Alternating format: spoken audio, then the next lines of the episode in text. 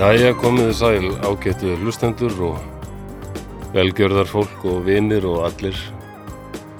Eh, Velkomin í Drauga Fortíðar, ég heiti Flósi Þorgjörsson. Ég heiti Baldur Ragnarsson Já, ég, ég ætlaði nú að fara að segja og með mér hérna maður sem ætlar að kynna sig. ah, Ég er alveg að ná forminu á þessu Þetta var nefnilega helviti svolít framan á ah, Ég fokkaði þessu, ég tekið á mig Eh, Hérna er maður sem ætlar að kynna sig, eða var að kynna sig og segja okkur aðeins frá fyrirbæri sem heitir hljóðkirkja. Nöi, býtu þessu bara voru heima að æfa þig að Já, núna verður þetta bara alltaf svona. Glæsilegt, af því ég get ekki munað þetta Nei, eh, Herri, já, hlóðkirkjan, vel gert flósi já, Hérna, á mánudöfum, er það dómstafur eh, Ertu eitthvað búin að tekka á dómstegi núna? ég er ekki ennþá búin að hlusta á dómstar en þetta er Turur Þekki þig, þekki Haug Viðar, Já. þið eru alveg með finnæri og skemmtilegur mönnum sem ég þekki. Þú þekkir ekki Byrnu? Nei, en hún Nei. lítur að vera frábæri fyrst að þið fenguð hann í lið með ykkur. Já, hún er nákvæmlega það og þú þarft að kynnast Byrnu því að þú er gríðalega gaman að henni Já, um, það er nú alveg spurning hvort að hún hefði gaman að mér. Maður veit ekkert með það. Nei, ég segi nú bara hlusta á þetta podcast og, og sjá hvort hún sér til í þeirra að pakka eða ekki. Jú, jú, Herðið á miðgudöfum, það eru við, draugar fórtíðar, já, jú. á fimmtudöfum snæpir tala við fólk og á förstudöfum er það besta platan. Það er ekkert öruvísi. Nei, þetta er frábært. Já, og svo er nú viðbóta að detta inn. Eh, Já, það er kokkaflakk, eh, hann Óli framreiðslu mistari sem með hérna tíu sopar vínstæðin mm og vínbarinn hann hefur verið með kokkaflakk eh, í sjóvarfi Símans, tvær serjur held ég alveg öruglega og ég ljósi bara alls þá er ekkert að gerast í því þannig að hann hafði samband og ætlar að, að eh, byrja með podcast sem heitir bara kokkaflakk, kokkaflakk í eirun kannski, ég veit það ekki. og þegar við erum að taka þetta upp þá erum við bara að vinna fyrstu þætti og, og annarkvort er fyrsti þáttur komin í loftið eða bara alveg að þetta í loftið þegar að þið eru að lusta á þetta yes. þannig að það er mjög spennandi Hvað er hann að taka upp bara um leið og hann er að brasa í eldúsinu? Það er bara snark í Eh. pottum og pönnum og hérna. nei, þetta er, þetta er, Æja, ég glemt að setja steinsilju Æja, æja, nei, þetta er ekki alveg ekki, ekki alveg það mikið hell fyrir mig í mixi ég, það er leiðilegt að að að mixa steinsilju til höfundur og leðileg þú þarft ekki að setja inn hljóðaeffekta eða eitthvað.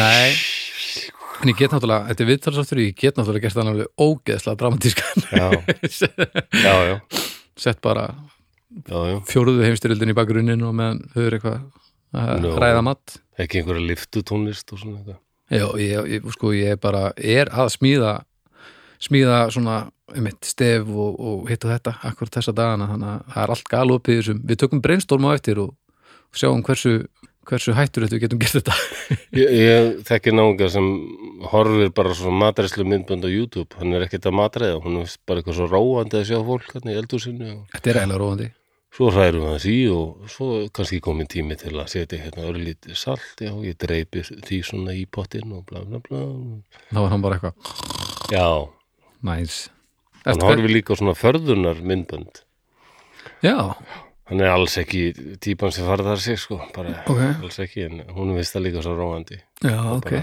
ótrúlegt að sjá breytinguna sem verður líka á fólki Þarna er ekki verið að neyta sér um eitthvað sem að, að maður vil gera. Sko. nei, nei, hann er af þessari nýju kynsluð íslenska karlmanna sem bara er ekki að stressa sig á karlmennskunni Nei, komin fokkin tími til já, að- ég held karlmennska, hálfið til karlmennska.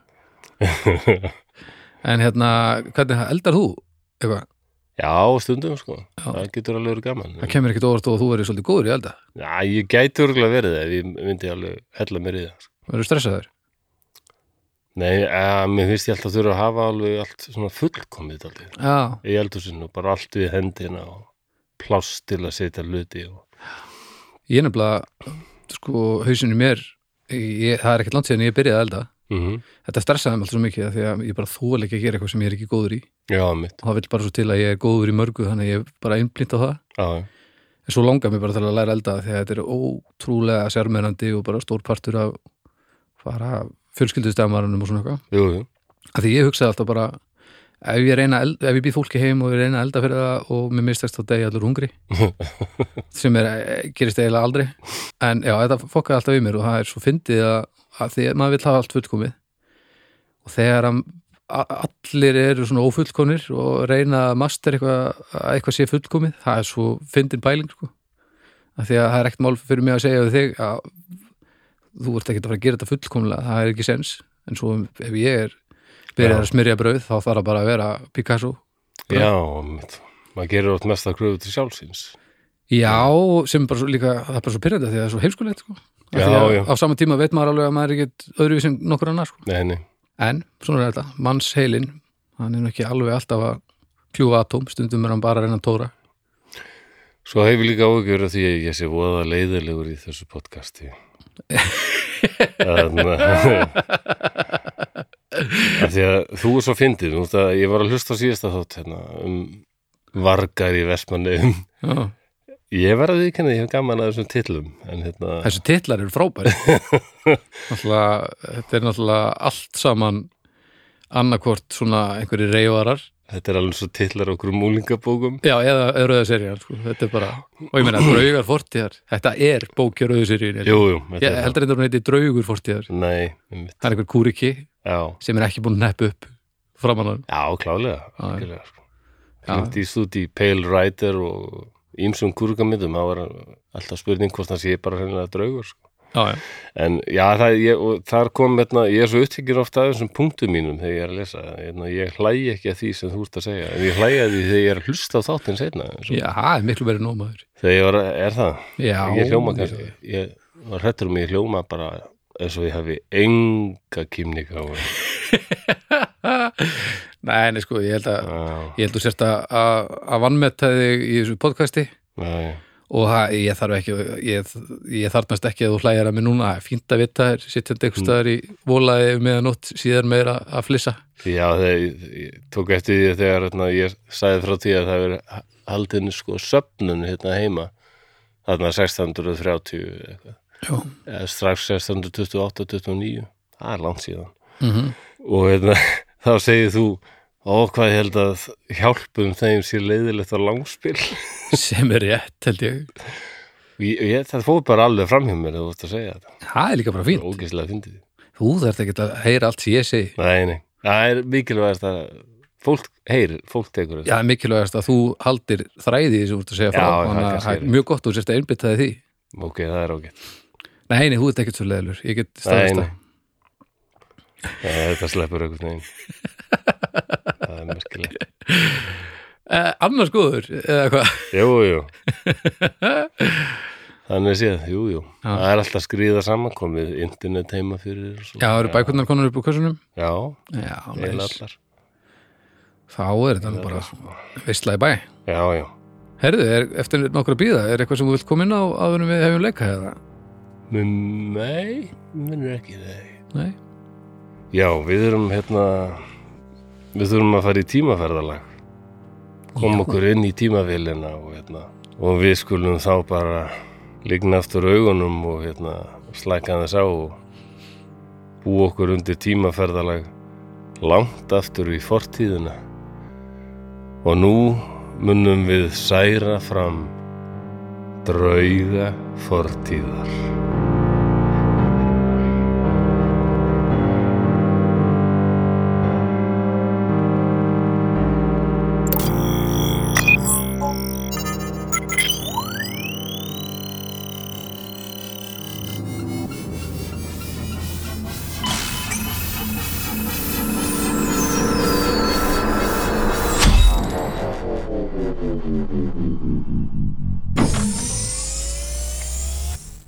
Við erum stödd í Vestur Afríku.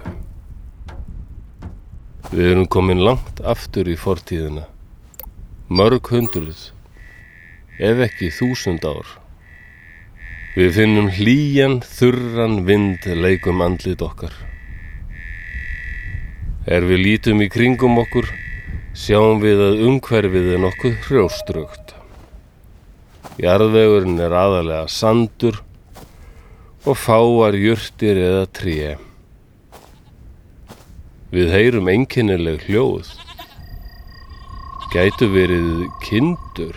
Nei, eitthvað annað. Er við komum nær, sjáum við að þetta eru geitur. En þær hegða sér undarlega, eru furðu æstar og órólegar. Þarna er einnig ungur maður, vafalust geita hyrðirinn. Hann er að reyna að tjónka við geiturnar, en það gengur lítið. Hann virðir fyrir sér runnan sem geiturnar voru að gæða sér á. Á honum eru fallegir ávextir, rauðir eða næstum purpurarauðir að lit. Geitahyrðirinn tekur eitt þeirra, þefar af honum og horfir á geiturnar og litla rauða ávöxtin til skiptis. Við leggjum saman tvo og tvo. Geiturnar hafa borðað þessa plöntu og þess vegna eru þær líklega svona æstar. Geitahyrðirinn er augljóslega forvitin og þekkir ekki plöntuna. Ó nei, hvað er þetta er eitrað? Við viljum aðvara geitahyrðin, en sem tímaferðalangar meigum við það ekki. Þá gætum við breytt gangi sögunar. Höfum í huga að það sem við fylgjumst með hefur þegar átt sér stað. Það liggur við að við grípum andan á lofti er geitahyrðin bítur í ávöstin. Hann grettir sig fyrst en tekur svo annan bita. Ekki líður og löngu þar til breyting kemur yfir hann. Augun lifna við Hann hlær og byrjar að dansa. Svo bregður hann á leik með geitunum og hleypur um, hoppandi og hlæjandi. Fáum klukkustundum síðar erum við komin í einhvers konar musteri. Það er alveg augljóst að hér fyrir eitthvað helgihald fram. Hér eru margir menn með alvarlegan rósemis svip Allir klættir í svipaða, gráa eða brúna kubla. Líklega eru þetta einhvers konar munkar. Við höfum eld geitahyrðin hingað. Hann er nú að færa gömlum manni sem virðist vera leiðtói munkana ávegstina sem hann bræðaði á. Presturinn og munkarnir skoða ávegstina af aðtegli en skyndilega fussar þessi gamli æðstiprestur og hendir ávostunum á lítið bál sem hefur verið kveikt skamt hjá. Smá tími líður en þá förum við að finna afar sérkennilega góða lykt sem við tímaferðalangarnir þekkjum afar vel. Nú grunar okkur hvaða planta þetta er og hvaða magnaði atbörður í heimsugun er að eiga sér stað fyrir framann okkur. Munkarnir finna einnig ilminn. Þeir koma og skoða brendu ávistina. Þeir raka saman öskuna og týna nokkrar bönir í dós.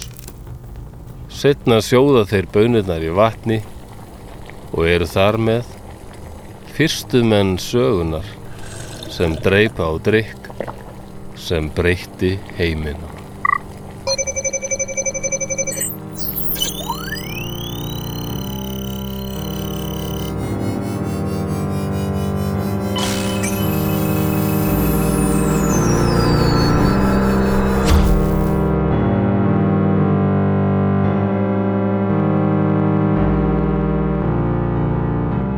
Þá er þessi lestur nú bara hennilega búin og stutt og laggott.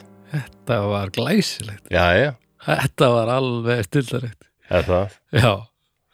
Grunnar þið eitthvað hvað sé að gerast hér? Já, já, þetta er auðvitað fyrsta kókumjölkin. Þetta er, Æ, við, erum, við erum í kaffibóði. Herðu, já, vel, vel að þessu vikið. Já, við erum, Þetta er sagan af því og við veitum ekki hvort að hún er mjög sönn en þetta er mjög þekkt mýta já, og við ættum að vera stödd í þess að nú er Ethiopía. mm Það er eiginlega uppruna land kaffisins. og, og still going strong. Það má með sannig segja. Já, sko, já, fyrir einhverju síðan þá hefði ég nú, ef ég hef verið spurður kannski er það um flesta, hvaðan kemur kaffi ég hefði bara, já, lítur að vera Kólumbía eða já, Suður-Ameríka nei, alls ekki ég veit ekki af hverju ég vissi þetta en ég, ég var með þetta það er örglega bara því að ég hef farið á einhvern kaffi búgarðið mitt í Kolumbíu þar sem var aðeins farið í gegnum söguna sko. já, já, já, ok og þetta var já, þetta var einhvers þar geimt í já, einum af mínum hörmulugu stöðum í heilanum ykkur stöður í kjallara í heilanum Já. það sem er alls ekki búið þurrka af og það er meira að segja til nafn á þennan geitahyrði og hann heit- heitir þetta aldrei skemmtilegu nafni frá íslensku sjónar, sjónarhorni já, hann á að hafa heitið Kaldi kaldi Já. alveg kaldi eðíski geitahyrðinu Kaldi þakka þér fyrir Kaldi að hafa tekið hafa bara, já, það er að taka sensin já tekið sensi ég verður bara að smakka á þessu Vá. Já, Djöfull, ég- geiturnar líka verið hressar já þær voru veist þú alveg rosalegar já, geitur eru nú skemmtileg dýr já mér finnst það það er brotur í þeim já mjög ólíkar kindum hérna í Já, einhvern veginn að slá mann ekki eins og þessu alveg jafn nöyt heimskar, heimskar sko. Nei, ekki einn styggar og bara ja, eitthvað töffari í þau. Já, aðeins meira gaman af hlutunum. Kindur náttúrulega er alltaf bara eins og eh, Já. kindur fæðast í nöðvörn og deyja í nöðvörn. já, það er daldið þannig. Geitur eru meira svona bara að bara sjá til sko. Já, já, já. Já, mér langaði daldið að tala hérna um m- hennan uppáhaldstrykk minn. Já, Það er alveg skemmtileg saga. við erum einmitt með svona hérna núna, þannig að það er- Já, þetta er vel við hæfi. Já, ég, ég á hérna eitt sopa eftir að... um- Við skulum skála, svona, fyrstu, það er svo langt sinni skála þig. Takk fyrir. Ég hef Já. löngum haldið því fram að, að af innfluttum hlutum á Íslandi það séu þrýr sem hafi strax slegið í gegn og Íslendingar mynduðu þarna ástarsamband sem enn lifir Hvað, kaffi, bjór og ekki bjór. það var ekki bjór, Nú. allavega ekki Nú, já, tel ég það ég myndur að segja að vera svolítið, viltu segja að þú hefur aldrei átt í ástarsambandi við bjór? Jú, jú, hann er vissulega vinsæl Þú sko. átt svona, ást, svona ást, ástarhattur samband við bjór, myndi ég segja. Já, já, og ég, ég drekk bjór sko, þrátt fyrir að vilja ekki áfengi Já. En það eru komnið svo ossalega góðir bjórar sem eru bara 0,0% og eru bara Nákvæmlega. mjög bræðgóðir. Já, það er bara að brugga þær í alvörunni, ekki eitthvað svona gull til að friða einhverjum. Heldur bara að vera að brugga alvöru bjór Já. fyrir Þetta er að verða smá kultúr, sko. nefnilega loksins. En já, það var ekki bjórinn sigur, þannig að þetta er Nei. kaffi. Þetta er mín kenning, bara- þetta er bara mín kenning. sko. Já, ok, þá var þetta- þá var þetta kaffi, þetta er Og svo- gæðlif og haglabissur. Nei, Nei. en það, æ, fyrir þjóðu sem bjó voða lengi bara í mold, það var voða Timbur gaman bara. að fá allt í hennu, já, timbur náttúrulega var ekki hendugt, Nei, svo sem fyrir íslenskar aðstæður, en Nei, það nei. höfum við ofsalega fá timburhús og já, þannig að. þetta er alltaf kvikni í þessu og þetta er auðvitað að halda þessu við og svona og... Hvað? en á sínum tíma fengu Íslendingar allt í enn byggingarefni sem var bara stert og stöndugt og Nákvæmlega. en ég er að spá í sementið ég held að það við bara Kaffi, sement og hvað er þá þriðja? já, eftir í setni heimsturðinni þá kemur þriði hluturinn hingað og Íslendingar bara, wow Kaninn. já, þetta tengist kannanum sagan segir að, að Íslendingar hafi sagt þegar þeir voru að gera varnarsamning við Amerikana, þá bara sagður við þurfum að fá þetta Já, Nei, það er ekki hægt. Þetta, þetta, er, þetta er herrgagn. Þetta er ekki ætlað venjulegum borgurum. Já, við verðum bara að fá þetta. e, Í allinu var komið þarna farartæki þar sem Íslendingar þurfti ekki að vera einhverjum hestum eða Eh, fólkspílum. Já, já, já, ég skil Þetta þig. er bara, þetta þarna J-E-E-P. Já, Við þurfum að fá fullt af þessu. já, já, já, já, ok. Jeppin. Jepp. Kaffi, sement og jeppi. Þetta held ég að séu bara Íslendingar að alveg bara flytja inn mikið af þessu. Já, Byggja mikið af steinsteftum húsum og keira á jeppum og drekka kaffi. þetta er bara hárið rétt. Já, ok. vel, En það er náttúrulega margir aðra hlutir sem koma til greina. en Já, ég myndi henda pitsunni þannig líka. Pizzan maður. Já, Íslendingar elska pitsunni. Já, ég man þegar hún var, ég man, man eða þegar hún var fyrst að riðið sitt í rúm síðan það gammal, sko. það var að koma í búðir svona tilbúnar písjur, bara hendi í opnin Pysjur Herðu, guð Ég ætlaði að fara að segja söguna því að mamma var svo hrifin að þessu okay. En hún lær, lærði aldrei að segja þetta rétt Hún sagði þetta alltaf Hún- Vá, þetta var fyndið Flósi vildi ekki bara fara út í búð og kaupa eina písju handa okkur Æ, æ, æ, æ ég, Mér tókst aldrei að leiðrétt þetta Ég man mjög vel þegar að mamma kallaði einhvern tímann, ég veit ekki hvort hún var að grínast Baldur, komdu inn, það er bröðprammi Brauðprammi, Já, er það písja? Nei, písja, hjálp Guð, ég er að breytast í mömmu mínu æ, æ, æ, æ Er það pizza? Það er písja í matinn, Flatbaka písja surprise Já, já, brauðprammi er æðislegt orð Bröðprammi, Já, það er fallegt sko Frábært Já, það er frábær matur, afleitt faratæki Já Já, sérstaklega ef maður er að fara yfir strömmherða á þá Já, treyst ekki á brauðpramman nei, þú ætti ekki að fara í rafting á bröðpramma Nei, nei, Það enda bara í, í skrúinni nei og bara tilhugsunin um að fljúa á Ísafjörð til Ísafjörðar á í loftköku þyrlu fyllir mig óhugnaði Jésús, minn flósi en aftur á kaffinu kannski Já, og hérna og mamma, mamma elskaði kaffi og ég man að ég var einu síðan sambandi með stúlku og mamma eh, henni fannst hún skrítin svo stúlka ok að því hún drakk ekki kaffi Já, það var það undarlegt fólk sem drekkur ekki kaffi sagði gamla konan já, já og ekki batnaði þetta að því sagði henni að þessi stúlka væri ekki trefin að harðfíski heldur þetta skildi gamla vestfíska sjáarpláskonan alls ekki Hvað hva gerur hún þá? Já, bara vil ekki kaffi og harðfisk þetta er svona alveg förðurlegt Mjög gott. en frá Ethiopíu þá byrjar kaffið innreið sín í heiminn þetta er bara, þessi drikkur tók heiminn bara með þýlingum krafti Mhm. og það er við hæfið að það var í þessari sögur svona helgir menn að því að kaffi varð meðal hérna, já það var allavega kaffihús og er ennþá í Hafnafyrði er ekki lengur í miðbæri ekki aukur held ég, en þar var kaffihús er kaffihús í Hafnafyrði sem heitir Súfistin Já.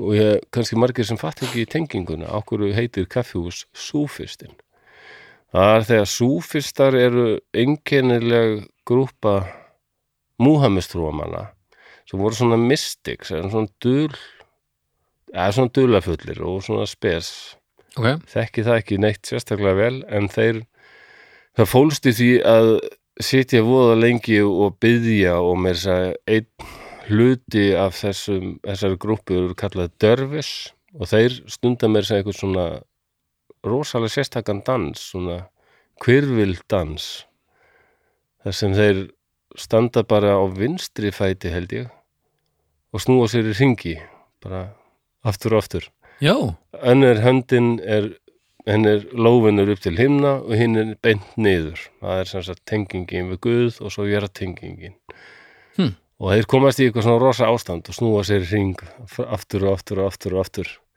og kaffi hjálpaði þeim mikið við bara hald út bara. allt sitt helgi hald sko Ég skil. og mörgum helgum mönnum fannst þetta frábært að bara þarna var komin helgur mörg, og þeir trúðu því að þetta verið bara guðdómlegur drukkur, drykkur frá guði drukku kaffi og svo bara Djöfull. byðja og Til það snúa var sér samt í ring verið, þeir hafa verið asnalegir, allsbyrðisand.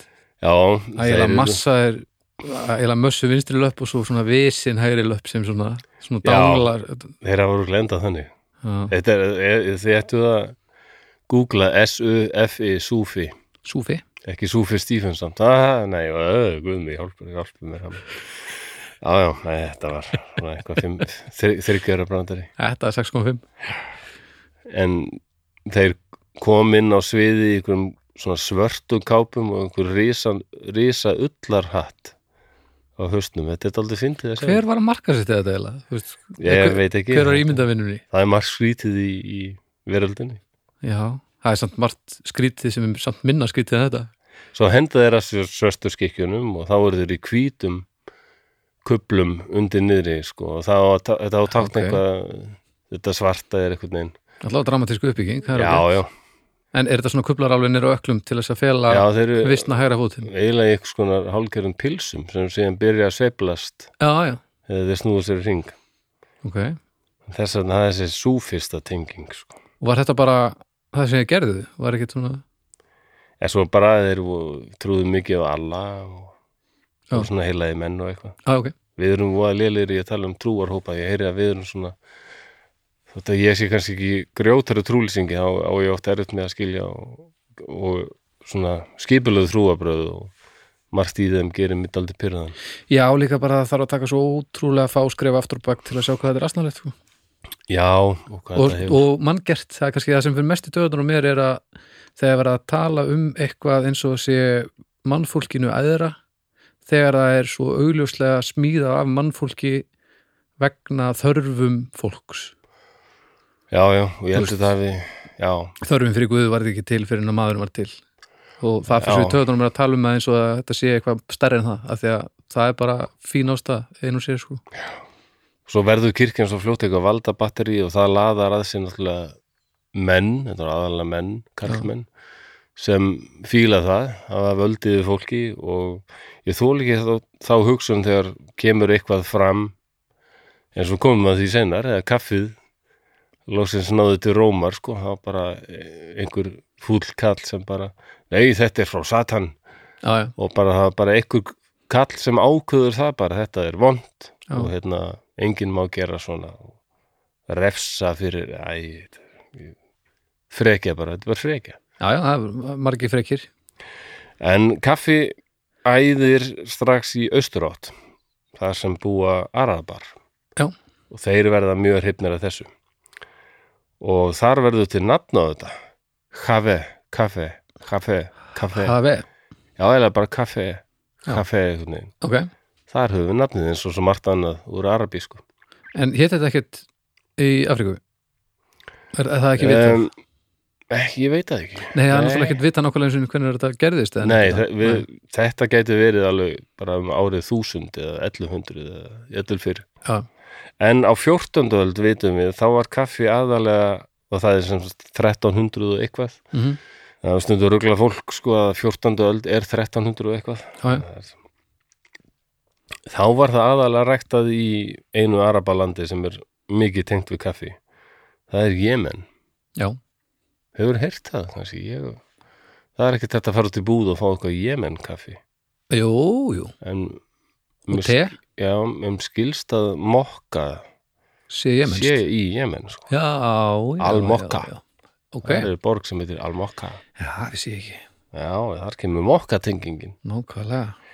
Og einnig öll síðar þá hafði þetta breyðst til Persíu og landana fyrir botni Miðjarhafs, Egyptalands, Sýrlands, Tyrklands Mm og þá f- fer að verða til það fyrirbæri að bara fólk fer að sapnast á einn ákveðin stað drekka kaffi, tala saman njóta tónlistar, Mhm. leika skák og aðra leiki og, og bara njóta þess að drekka kaffi um leiða því að þetta skerpti á hugsuninni og kannski liðkaði þetta aldrei um málbeinið Já, þetta voru kaffihúsin nákvæmlega. en þetta var allir því líka að sumum leist ekkit á þetta kaffi það hefur Hvað bara þegar fólk var að koma saman og, Já, það, það er hættulegt. Það verður til hættulegar hugmyndir. já, já, Já, alveg rétt. En svo kemur að Evrópu Mm í byrjun 17. aldar, það er semst uh, 1600 og eitthvað, bara svipum tíma og tyrkirnir voru að stela fólki hérna í eigum eins og sögum, sögum frá síðasta þetti. Akkurat, Þá eru náttúrulega fólk, er að, og við- eins og við tölum um þar, fólk ferðaðist alveg heilmikið. mm Ég er alveg vissum hefði ég verið fættur, já, já, ég veit það ekkit, hvað veit ég, 968, ég vil að ferðast og sjá eitthvað. Ég, já, erfiðara, já, en, verið leikt. en þá meira spennandi, Já, en miklu fleira sem getur farið úrskeið sem Já, mörgu já. leti, sko. heldur betur þetta. hefur Og verið- líka bara tímafrektur. Já, já, vissulega. En þú veist, þú þarft ekki að fara í gegnum tjekkin, En eitthvað. það voru aðalega kaupmenn náttúrulega sem fóru langar leiðir sko. Og Akkurat. það var heilmikil verstlun náttúrulega milli Evrópu og Asíu, silki leiðin og bara uh, margt sem kom frá Asíu, krydd og svona sem Evrópumenn vildu fá. Já, og einn helsta verslunaborg Európu voru Feneyjar mm -hmm. og versluðu mikið við þetta ottomanveldi sem við tölum líka um í síðasta þætti akkurat og ég eiginlega fekk humdina því að taka fyrir kaffi daldi þau vorum að taka fyrir tyrkjaránið af því að það voru líka sko tyrkneskir já svona tyrkneskir eins og Jón Vestmann og svona tyrkneskir sjóræningar svona sem voru teknir til fanga Já. það var daldi vinsalt að láta þá hell upp á Já, taka þetta, þeir vildi endilega nálgast þetta duft og sögumir keftu þetta handaðum svo heldu þeir upp og þeir voru náttúrulega svo góðir í því að bara já, já á möltu og svona, það voru bara að endilt komið kaffi, já, ég fer með þetta til hans Múrats, þetta, fanga Já. hann, hann gerir svo gott kaffi Já, næs og mér er svo æðislegt bara hvað þessi drikkur einhvern veginn s- dreifir sér um og bara myndar þetta rosalega samband þessi kaffiplanta Já, fær þetta mjög mikilvægan verndara sem er bara maðurinn já, akkurat Það er stu- sumir sem tala um að, að kveiti þetta sé ósalega gott dæmi um bara ósalega svona symbiótist en- eins og sumir maurar eru með bjöllur hjá sér sem þeir vernda fyr- fyrir öðrum dýrum sko. Já, en svo mjólka þeir bjöllurnar og þær gefa frá sér svona einhvern góðan drikk sem maurarnir elska en að samaskapið þá eru þær alveg þær eru ekki djettnar öðrum dýrum maurarnir passa þær þetta er samt eitt, þetta, er, þetta er þetta pervertíska sko, sem ég hef heyrt þetta, er eitthvað, þetta er pínu svona Já, já Er þetta eitthvað ólíkt því sem við gerum með beljur hérna? Nei, þetta er það líka stór undalegt Já, já, í sjálfur sem maður lítur það þannig en þetta er Hugsa þeir að vera hrossagökur sem að kíkir inn um rúðu á einhverju heimili og, eða einhverju fjósi og þú serð mannveruna vera að- að tósa í belju til að til að ná einhver úttörinni og glöða því svo bara í sig þetta Já, er já. alltaf, ég held að maður veri pínur hryggur hrossagökur þá en þetta svona, já, kallar þetta samminu eitthvað en þetta er um taldið Já. ekki allir vegan sem eru kannski hrytnar að því að kallar þetta eitthvað samminu og Nei. með okkar og beljana Nei, ekki þegar maður er að, það er náttúrulega augljuslega verið að, ræ- það þyrst einhver annar að vera að drekka þessi mjólk ef allt er í lagi, það er náttúrulega staðnind. en sumur vil meina að kveitið þessi alveg briljant blanda, hún hafi fundið þetta alveg mjög mikilvægan verndara Já, sem er maðurinn, sko já, nákvæmlega. En já, og það var nú margir í Evrópa sem sagt heyrt sögur, já talandur reyndar, já, ég sá æðislega heimildamind um svona samband milli, milli dýra og þar var, en, en kannski ekki beint, ekki svona mutual, eh, ekki, jú, mutual samband, það var til dæmis fugl sem gerir reyður í svona, í trjám, svona hólum, hólum í trjám Mm -hmm. og hann fer alltaf að næri ykkur markfællu, stóra markfællu og hérna, fer með hana í hreyðrið, en ég tóra hann ekki hún Ok. lifir þarna bara og það er svo mikið af ykkur, ykkur óværu svona lúsum og, og kvikindum sem sækja í fuglana, Sjáum þetta bara. sem markfællan alveg nærist á Mm, Þetta er bara svona svolítið kettir og kongulær hjá okkur.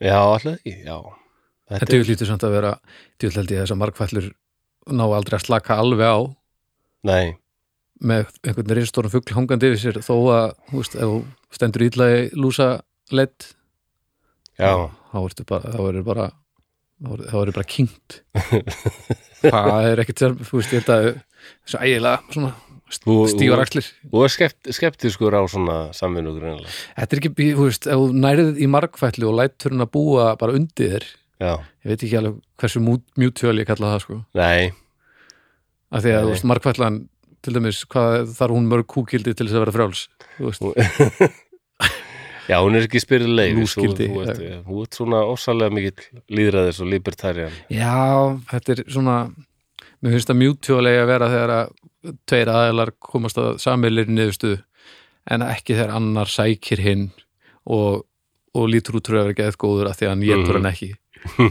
Ok, en vissulega þá erum við að horfa á þetta frá mannlegum gildum en, A annað sem var í þessar mynd ég mann þegar ég var eh, 19 ára fór í fyrsta skipti til Finnlands og við vorum að labba í þessum mögnuðu skóum sem er bara, ja, Finnland er bara eitt rísa skóur Já, nema það er nokkur vött sem staðar mm og fundum risastóra maurarhúu og hérna sá sem var með mér hann Jussi hann sem var með mér, búndastrákurinn hann hérna sagði, prófaði að fara með andlitið annan hluta andlitið sinns og bera hann upp að maurarþúfunni Mm.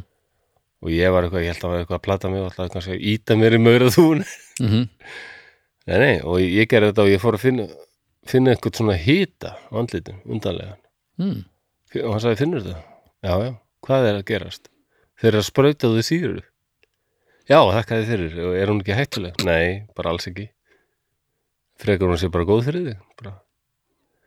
en það var, Hreinsandi bara það var ekki það sem þeir voru að hugsa Nei, það voru maurarnir bara, bara hætta, hætta á ferðum og bara shhh, spreyja þetta síru og ég sá í þessari mynd það er fugl sem yfkar það að hann lendir í maurarþúinni svo breyður hann úr veng, vengjunum Mm. og, og reyfir sér alveg fram og tilbaka og flettir öllum fjöðrunum og þeir eru að spreyja hann og þetta drepur alls ekki svona lýs og, og kvikindi sem er á honum fyrir hann bara í sírubað Já, hann fyrir, já, það þarf að fara í sírubað Æ, ég fara að klæja svo mikið, það er að skella mér í sírubað wow. Þetta er, minnst þetta dásanlegt en þú myndir einblýna á bara umgja maurarnir þau eru traumatíseraðir eftir þetta og já eða þú veist vesins fugl bara, vesinnisfuglum fyndu þér bara þína eigin síru Já, það er ekki að spyrja að vesinnis en ég meina, það er ágætt að kunna bjarga sér í segja það Fyndu þinn eigin sír ekki já, ég meina, Já, já, þetta er ekkert gefins en svona er þetta Þetta gerum við mannfólkið líka Nýta svona dýrin og... Já, Já, en já. Ég, það er nú svona að koma betur og betur í ljós kannski að þetta er nú ekki allt kannski alveg eins og á að vera Við Nei, erum gengið svolítið lont og En hver- stöðum hver ákveður hvernig þetta á alltaf við er Við verið Já, stöðum, já, ok en við erum bara ekki droslega góði En aftur á kaffinu Já, Já, í, og margir kaupmenn sem fara að segja að það er alveg æðislegu drikkur sem þeir eru að drekka þannig í austrinu maður. maður verður svo vakandi og getur bara unnið aðeins lengur og nýtt tíman og... mm -hmm. en þá er nú margir fullir grunnsemda og bara leist ekkert á þetta vegna þess, þetta kom frá þjóðum sem voru múhæmistrúar og eins og við komum inn á í síðasta þætti hérna, Tyrkiróni, Mm. þá var alveg rosaleg tóstar þetta á milli hins kristna og hins íslamska heims Mhm. ég myndi segja mun meiri en í dag því þá var náttúrulega múslima heimurinn þetta var rosalega öflugt ríki Já, ottomanveldið já. sko. akkurat Európumenn voru hrættir um það nú að meira Já, bara liberal hugmyndir í sammenginu já, Það er bara að vera að le- lina á svolítið mörgum svona prinsipum já, já Múhamis trúar heimurinn var langt á undan í mörgu sko Já. á sínum tíma, arkitektúr og stærfræði og ýmsu og... Þannig að, þú veist, meðaldra hvíti kallin í gamla daga var alveg jafn mikill meðaldra hvítur kallin svo í dag, sko Já, já, það það var mjög fyndið þegar einhver tók upp á því í bandaríkjunum að, að komast að því að það væri stemt að því að, hérna, að þetta var svona hoax, það var að segja að það væri stemt að því að það var að taka upp, taka upp hérna, arabískar tölur í kennslu í bandaríkjunum. Hmm, hmm, Æ, nei Ó, það urðu var svo allt bara- Það eru svo margir alveg brjálaðir, sko. Æ, Ah. Ég vil elsku sko ekki heyra það, við höldum okkur við, við okkar góðu vestarinnu tölur. Djöfull getur Já, já. fólk verið að reyna ekki neitt En þú hlustandi ef þú semst ekki veist þá eru tölurnar sem við not- notum 0, 1, 2, 3, 4 þetta eru arabískar tölur. Já, Já, nú er einhverjum sem hugsa sem besser vissar sem segja að það séu raun indveskar en það er stundum sagt en við tökum þetta frá Arab arabum sko. ef Eins þið er ekki og, sáttu það þá bara, Já, með já. bara eiga ykkur og stærfræði, ég meina algebra úr hvaða tungumálu heldur þið að þetta orð sé komið? Algebra. ekki dansku, Nei, það er að reyna Algebra Ég studera algebra Nei, klálega ekki En við höfum nú eftir að koma að Danmörku samt í þessu, Já, þessar umræðu ok, Margt sem kemur til Íslands komum náttúrulega frá Danmörku nákvæmlega og svo er annað al orð sem Ísleitingar elska Það er hérna Alelda, þetta er ný dansk át, nei, var ekki Alelda Melakallahu lakallahu Malelda ný dansk Já, já Alelda Hvað, sól- sóldrandi sóldrandi brjál Sáldrandur í brjáli Já, sem þýðir ekkert er það? Nei, en þetta er skemmtilegu leikur að orðum, finnst mér. Já, bara rúla vel, Já, vel leist átalið flott lag, ég fíla það. Mm. Margt með nýtönsk alveg ljómandi. Sennilega það, það lag á Í- Íslandi sem, þar, þar sem mandólinni fær að, að njóta sín hvað best Já, þetta þetta er reyndi alveg rétt. Klassík Já, já. Já, það er hann alkohól. Alkohól já. Alkohól. sko. já, það er annað sem við erum aðeins búin að vera að unna með Já, já, já. Og, og þetta kemst til, og svo nemur kaffið land í Feneyjum árið 1615. Ok. og prestastéttin bara strax fordæmir þennan svarta satanseið kallar þetta hérna, þetta er þessi beski satanseiður beski svarti satanseiður og þetta er bara bannaði finnum strax, 16.15 bannað að drekka þetta þetta kemur frá Íslam og þe- þetta er satan ógislegt leiðilegir En svo, voru, já, leiðilegir og það var mörgum í fennum sem fannst þeir vera leiðilegir og bara, þetta er kjaftaði maður, þetta er æðislegt ég vil Nú, bara það. geta að drukja mitt kaffaði Nei, Guð hatar þetta og þarna kemur á stígu bara fram Guður sem hérna hétt Klemmi eða Clemens, Clemens, Clemens áttundi til að vera alveg Hann hétt náttúrulega örglega eitthvað allt annað, hann tók sér nafnið Clemens áttundi, eins og pávar gera Já, já Ó, Pávar Já, og Clemens áttundi, hann var svona, hann var ansið harður sko, hann var mjög harður gegn ottomanveldinu ok,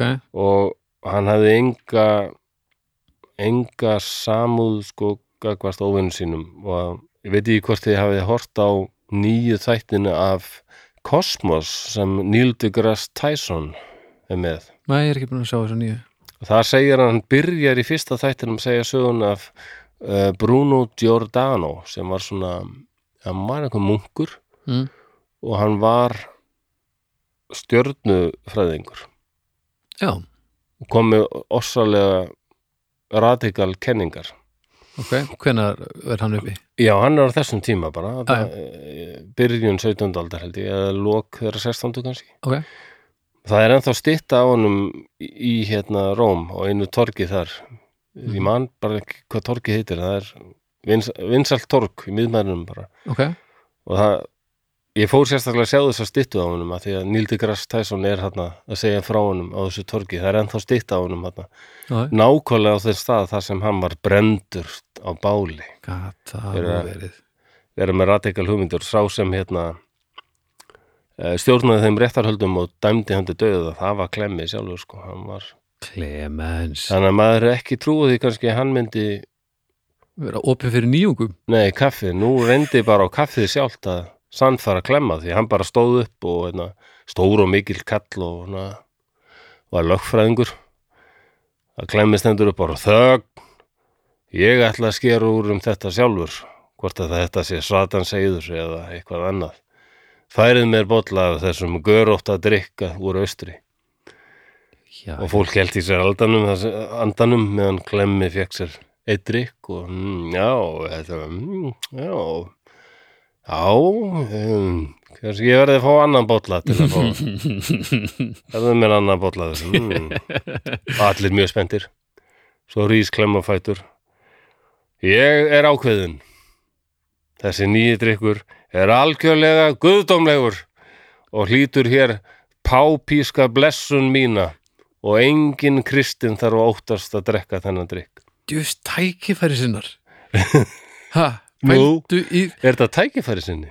ég meina samkvæmt prinsipinu þá hafði hann átt að segja nei, út með þetta, Já. svo smakka hann þetta herriðu, mér finnst þetta gott Já. þetta er frábært, Alveg. þetta er bara tækifæri sinni frá helviti Já, jú, örgulega var hann það, eins og ég sagði þetta var svo mikið valdabatteri og hann var ekta svona valda kall ekkur. En ég vil líka líta á þetta þannig að þetta bara kaffið síndi hversaði megnugt. já, já, Það já nákvæmlega, nákvæmlega hann náði nú bara Já, já, sagan segir að hann hafi sagt síður við aðstofamenn sína þegar ekki svona margir heyruðu til að þetta væri nú svo æðislegu drikku en hann langaði eiginlega bara mest til að skipta honum út fyrir víkt vatn og bara gera þetta að bara helgum drikk kristindómsins.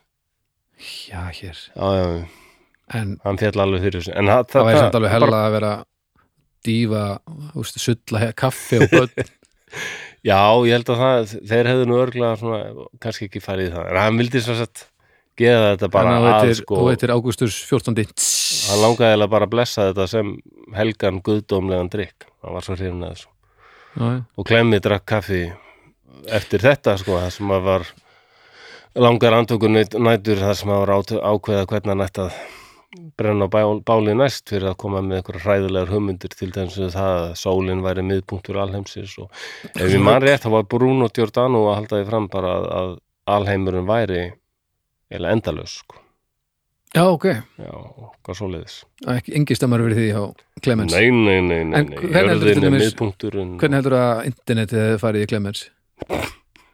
Það var bara eitthvað, "Æ, þetta er frá djöflunum þetta er allt og mikið nei, sko, bland.is heyrðu, ég er alveg, eh, þetta er best Já, já, allir ég skil nú- kristnir með að selja sitt í sitt, eitthvað Pældu í þessu liði Auðvitað var þetta tækifæri sinni Djöfull er þetta.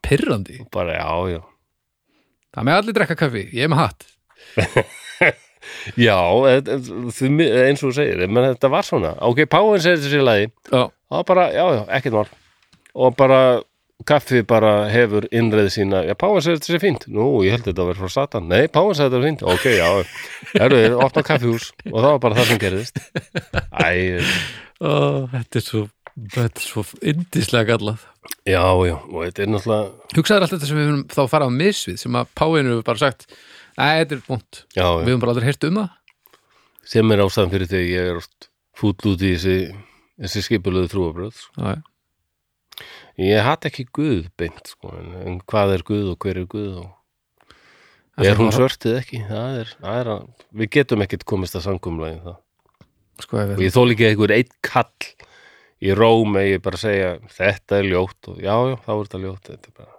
Nei. en já, já en kaffihús sem sagt nú tekur Evrópu bara með krafti sko, by Mhm. storm kaffihús byrja að spretta upp og hefði fyrsta opnaði, fyrsta kaffihúsið í Evrópu opnaði í Fenegjum árið 1630 Sama ár uh, mætti fyrsti hipsterinn á þetta kaffihús okay. Já, og sama ár held ég einmitt að þá voru bara einhverju íslendingar í Marokko að reyna að finna þræla og Já, hérna, það er rétt herðu, hérna hefur séð konu sem er svona og þú þessi vesen hefur það verið maður. Já, það má benda á rei- reis, afsakinn belgist út á kaffi hérna það var, má benda á reisubók Ólas Eilssonas þar sem hann var að Já þvælast þarna og reyna að akkurat kaupa þetta fólk og, og í síðasta þætti þá var ég ekki viss um hve margir hefðu snúið heim mm en ég veit það núna, þetta voru rúmlega 400 sem voru teknir, Já, þú varst, reyndar nokkrir aðeins danir já, og það var ekki, já ég var búin að setja umræða hópin, ég veit ekki hvort það er komið inn ég var búin að, já, varstu búin að, ertu að sketsjúla? já ég er að sketsa það. ég man ekkit hvernig ég ertu sketsa að tengja við unga fólki yfir þannig að það er, ætti að vera komið inn núna þegar við erum að segja þetta Ok, en Sko. hversu margir komið tilbaka? milli 30 og 40, Það er ekki margir nei það eru lélegar heimtur wow. þó nokkrir voru dánir Já. og þó nokkrir höfðu snúist til Íslam og það var engin áhug fyrir því að kaupa það fólk þá bara hættu þeir við Þeir hættu bara við En hversu langur Já, ég var tími alveg til liðin að koma heim en en ég er nú orðið múhamstrúar Já, nei, hver- Hversu langur tími liðin þarna segir Hvað eru búin að vera lengi í? um, nokkur ár Já, Þetta er eitthvað upp úr 30 sem þau eru að vesanast í þessu En svo segir þetta áðan að það tók allt miklu lengri tíma já, já, en þetta er samt ekki það mörg ára Því að ef, að- Nei, ef það eru margir merkilegt. dánir sko, Já, Það er þetta, eitthvað ímislegt gengi á þannig að við höldum alltaf við staðið í stað en, en það voru samskipti pó- og brefasendingar og Já, nákvæmlega bara hægar en núna sko Já, og í feinum enda var þetta einn helsta Vestlunaborg Európu og mikið um vörur frá Ottomanveldinu eða Tyrklandi mm og um miðja 17. öld 1650 þá er kaffið komið til breyta sem hérna urðu mjög hrypnir að þið líka mhm. en heldur nú áfram að drekka mikið te líka Já, Hvað, gera enn. um miðja 17. öld 1650 þá er komið 300 kaffihús í London einni Hvað ársæður við? Uh, 1650 1650, Vá. 60 Ok, þetta gerist svona helvitur að Já, kaffi bara það ætti bara um og bara Vá, ég veit ekki um neitt drikk sem bara sem, og þetta var svo öðruvísi heldur um bjóra svo mikið daldið eins og vatn skilur og vín hafði lengi verið til en þetta var bara svo mikið sensation sko, bara fólk bara átti ekki orð af því þetta hafði þessi áhrif sko, þetta var ekki sljófgandi eins og bjóra og vín nei En sko, og, og talandi um bjór og vín fyrir ekki, koma að því að núna á þessum tíma þá hafði kaffi ítt bjór og vín bjóri bjóri, bjór, bjór, bjóri bjór, og Bjór. víni og víni, já, rétt Ekki slasa þig te, leist það af hólmi sem aðal eh, drikkurinn sem Evrópubúar drukku með morgunverðinum Mér finnst það alltaf skemmtileg pæling. var bara að vera aðeins að sull í sig í bítið Baldur Lisli, ferð nú að fætur. Þú þarft að fara út á hrísgrona ekkurutnar að vinna og fáðu nú, myndu nú að drekka bjórið þinn. þú ferð ekki út nefnum þú takkir tvö skot Já, það var bara bjór og vín, sko. Vá. En hérna aðeins með kaffihúsin að því að húst, kaffihúsa hipsterinn í dag er vesti eh, svona uppsnúðið skegg og kannski englirni og eitthvað svona uh, Jú, jú, og svona, einhverja svona köplóttar buksur, já, en, rauðar og bleikar eða eitthvað. en á þessum tíma þú veist, Guli sokkar og, því aftar Converse sem við skór. förum því aftar þurfum við að fara með með sko hipsterinn að því að hann leitar, þannig að ef við erum að horfa á fyrsta hipsterinn árið sem að kaffihúsin eru opnað hana já, hvað er að gerast svona hundra árum áður Þú veist, hva- hvaða galla er einhver að koma inn í koma í á kaffihús 100 árum áður, 1530. Já, hvernig Auðvitað. kemur maður, hvernig mætir maður sem hipster á kaffihús? Já, í sokkabuksunum vantarlega einhvers konar skóm og í einhvers, ko- í hérna ég er nú ekki mikill fræðingur um síðmiðalda tísk, tísku Nei, ég myndi halda Syndar- að flestir hafi verið í svona serk þú kemur þannig á kaffihús og Já. allir hinnir eru bara eðlir. Já, þú meina hipsterin sem er aðeins á undan já, Já, ég er að tala um hundra árum áður sko að þú verður alltaf að sækja þetta, þú veist fram, já ok bara eins og þú veist, þá eins og kaffið held ég að það hefur verið sótt í eitthvað sem var framandi og fólk var rættið og það er þá til austur sko þannig að hipsterinn hefur kannski komið með eitthvað konar turban já þú meina það eða daldið í svona litríkum klæðum af því að það þótti nú svona eins og er í mörgum múhamstur og löndum núna sko að það þykir ekki fínt að klæða sér litrík klæði þú ætti alltaf að vera með einhverja auðmíkt og Já, frekari hvítu, svörtu, brúnu, gráu já, Já, það þykir svona berast of mikið á að vera í ykkur svona rauðu og guðlu sko. já, já, Ég held að geti trúa því að það, þú hefur verið í ykkur litrikum klæðum og kannski með ykkur svona austrænan eh, austrænan hatt á höfði og trefil og eitthvað svona ég til í þetta Það er hort á því svona hornög, litin hornög af ímsum mm en öðrum þætti þetta, vá, þessi er aldrei öðruvísi, það er aldrei Mm. smart Brottur í þessum, Það er, þetta það í hug já, minnstu Það er það kannski ykkur í umröðu hópnum sem veit miklu meira um Já, síðmiðalda tísku ef- nákvæmlega og bara hvernig fyrsti hipsterinn, þú veist, var einhvern tímann einhver sem mætti bara í svona stein, bara neandalsmanna gallanum á, á barinn en þetta er ágætt pæling en já, það var kaffihús en sumstaðar var kaffi nú lengi vel bara svona yfirstjætt að drikkur en ok, um svipa leiti 1650 upp úr því 1650 til 1700 Mm. Mhm. á berst kaffi til nýja heimsins mm Ameríku og dúkar upp í borginni mikil hafnarborg sem heit Nýja Amsterdam veistu hvar hún var? Nei, Nei, hún var á eigu sem hollendingar áttu, Manhattan. Manhattan En svo eins og, rúss, eins og rússar seldu bandaríkjumönnum Alaska, þá selja hollendingar nýju, já, Manhattan, ég held að þeir hafa selt alla eigina, jú, og, og nýju Amsterdam með borgina, Já, bretum. Bretar vil ekki eiga einhverja borg sem heitir Nýja Amsterdam og breyta þessu í Nýja Jórvík eða New York mm eftir York í Yorkshire á Breitlandi. já. En Amerikanar voru eitthvað treyja til við kaffið og þeir voru svo mikið ofsalega tetrykju þjóð þarna. já Já, þeir voru hardir á því. ok En, en það er frækt atvík árið 1773 að þá voru þessi landneimar þarna orðir, orðnir frekar þreyttir á breytum sem ráða yfir bandaríkjunum þarna. Já. Þetta er bara bresk nýlenda. Akkurat og landnemar og kaupmenn í Boston verða trilltir eða þeir frétt af óbóðslegri skattlætningu breska konungsins á te þeir eru að brjálaðir og henda öllu teinu bara í höfnina Hanna, þetta er kallað The Boston Tea Party þú hefur kannski heyrt á það minnst já Þetta er já, pínu svona jaðar, jaðar Gandhi sko já, já, enda var þetta eiginlega upphafið að uppreist Já, þetta er, þetta er svona, þetta er svona non-violent Já. resistant en samt láta finna fyrir sér sko Já, og þarna verða bandarækjumenn svo harðir eitthvað að þeir bara skipta yfir í kaffi. Það er bara uppreisnar drikkurinn. Hanna. geta helvitist te Ef ég væri að fara að hendi byltingu, já, þá myndi ég taka kaffivélan. er það ekki? Jú, Já, það er bara þannig. eh, ég elska te, minnst það gott sko Ég myndi taka kaffi frekar en bjór eða eitthvað bús eða te, ég myndi vissulega, ég myndi taka með mig vasklas, ég segi það ekki já. en ég held að kaffið væri svona það sem að það er það sem hristir hópin saman sko og allavega mín reynsla af byltingum segir já, það. nákvæmlega sko það er allir, allir þreytir á morgnana og bara, já, þá líka byltingur, huggunin já, við fá töl, ykkur kaffi og bara, tölum um það þegar þú varst að tala um súkulaði og, og það hérna um daginn já, kaffið hefur þessa huggun sko það er einhver svona það er einhver huggun í kaffi og bara svona notaleg heitt sem að Já. eiginlega engin annar drikkur hefur sko ég bara ég elska hennar drikk sko kakó svona er með sömu grunn hugmyndafræði en það er bara ekki nóg mikill brottur í því til að Nei. komist að sama stað fyrir mann sko. en það er að myndast ykkur svona kakó ég heyrði viðtal við hana Láru Rúnars Já. sem er með andagift held ég, það súkulaði setur já með tinnu já, þú þekkir hana það sem Já. var í, hvað hétt bandið sem þau voru í hérna, þú, Formica, nei Ha. Plantónika, nei, kryptónika Er það eitthvað ykkar, eitthvað, harmonika, nei, krónika krónika, já, og, formæka, já, formæka það er, annað, ljósitinn formæka.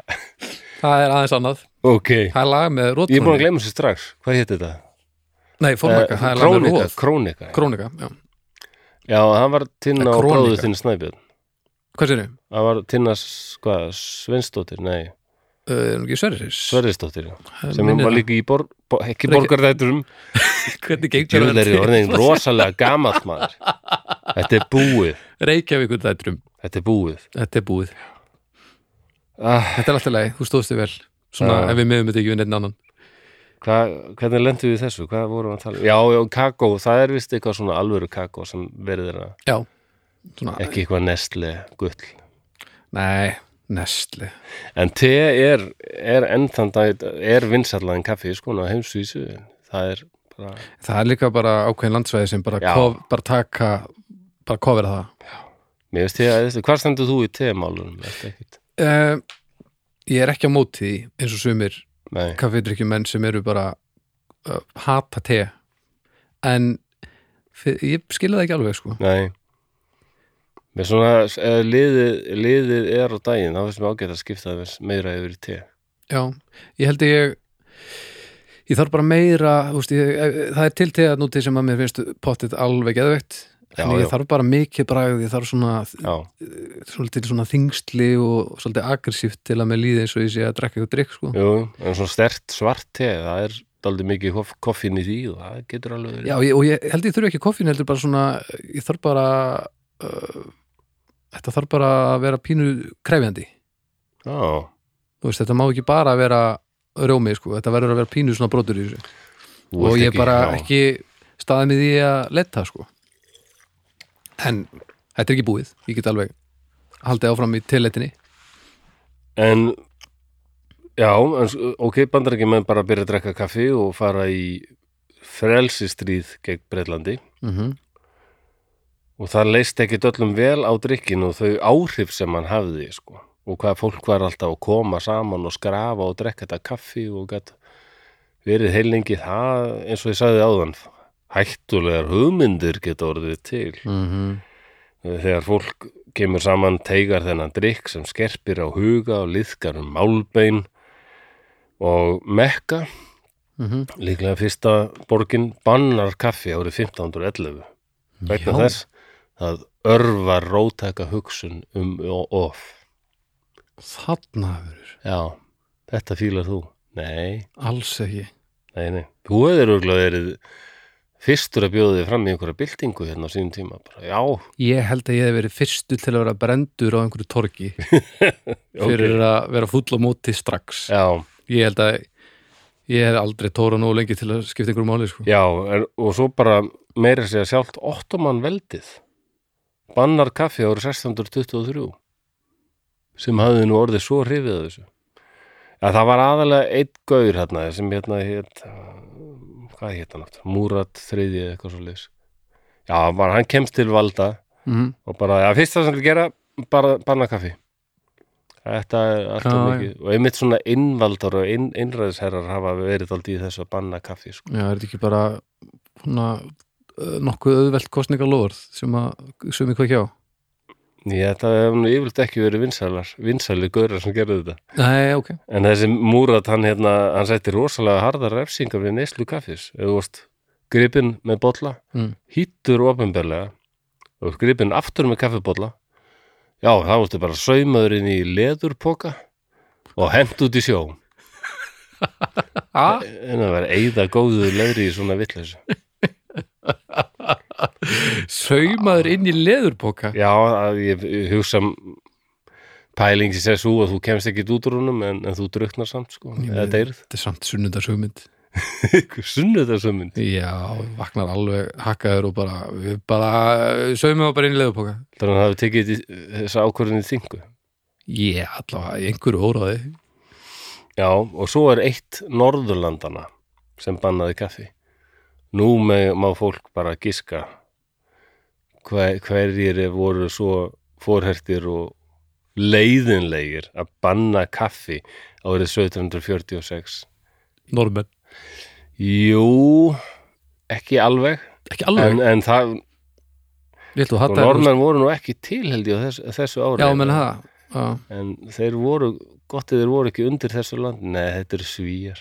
já Ég, ég sagði bara normen að því að þú hattar þá Já, já, en svíjar voru svíjar voru náttúrulega allræmdir hérna þegar ég var krakki var allræmdir fyrir að banna bara allt þeir bannu það var bannað að byggja sandkastala á einhverju strönd í Svíþjóð af því að það verið byggður ykkur ros rosalega stór sandkastali og hérna svo eittist hann og það myndast einhver rosa hóla mm.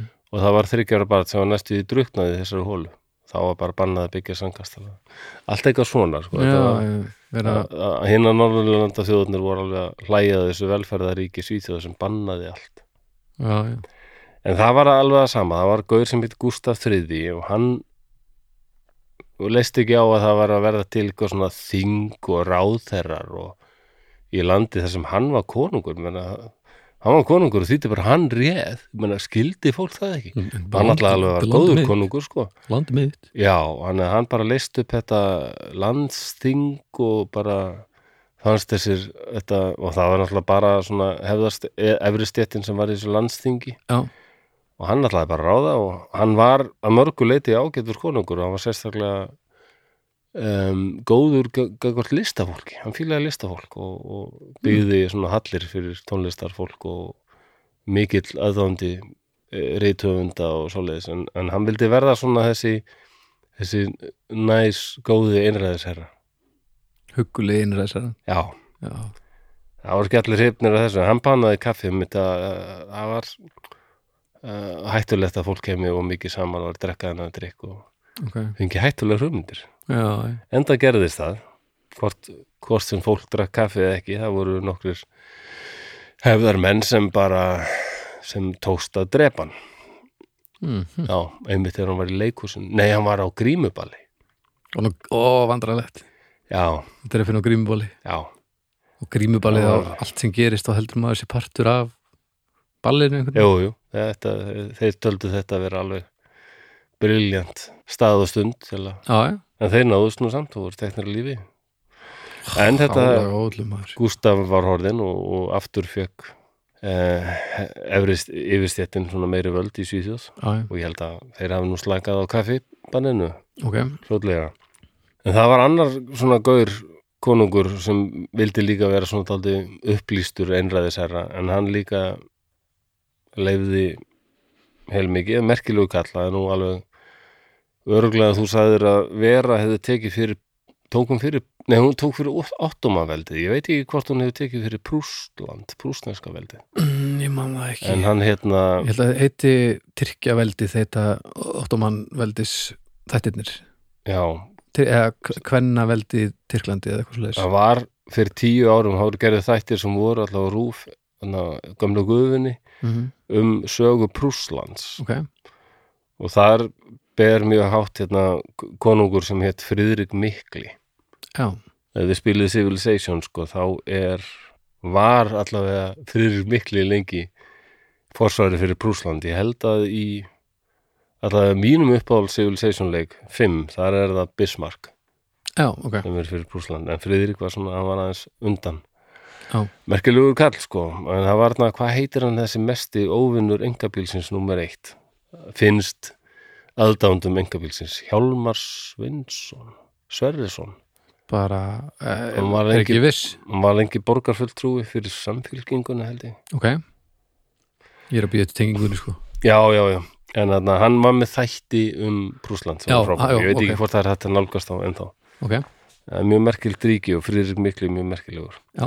en hann var ekki svona í í því bara að banna og brenna fólk og eitthvað svoleiðis og hann setti lög sem þóttu daldið þóttu daldið svona frambóðstefnulega sko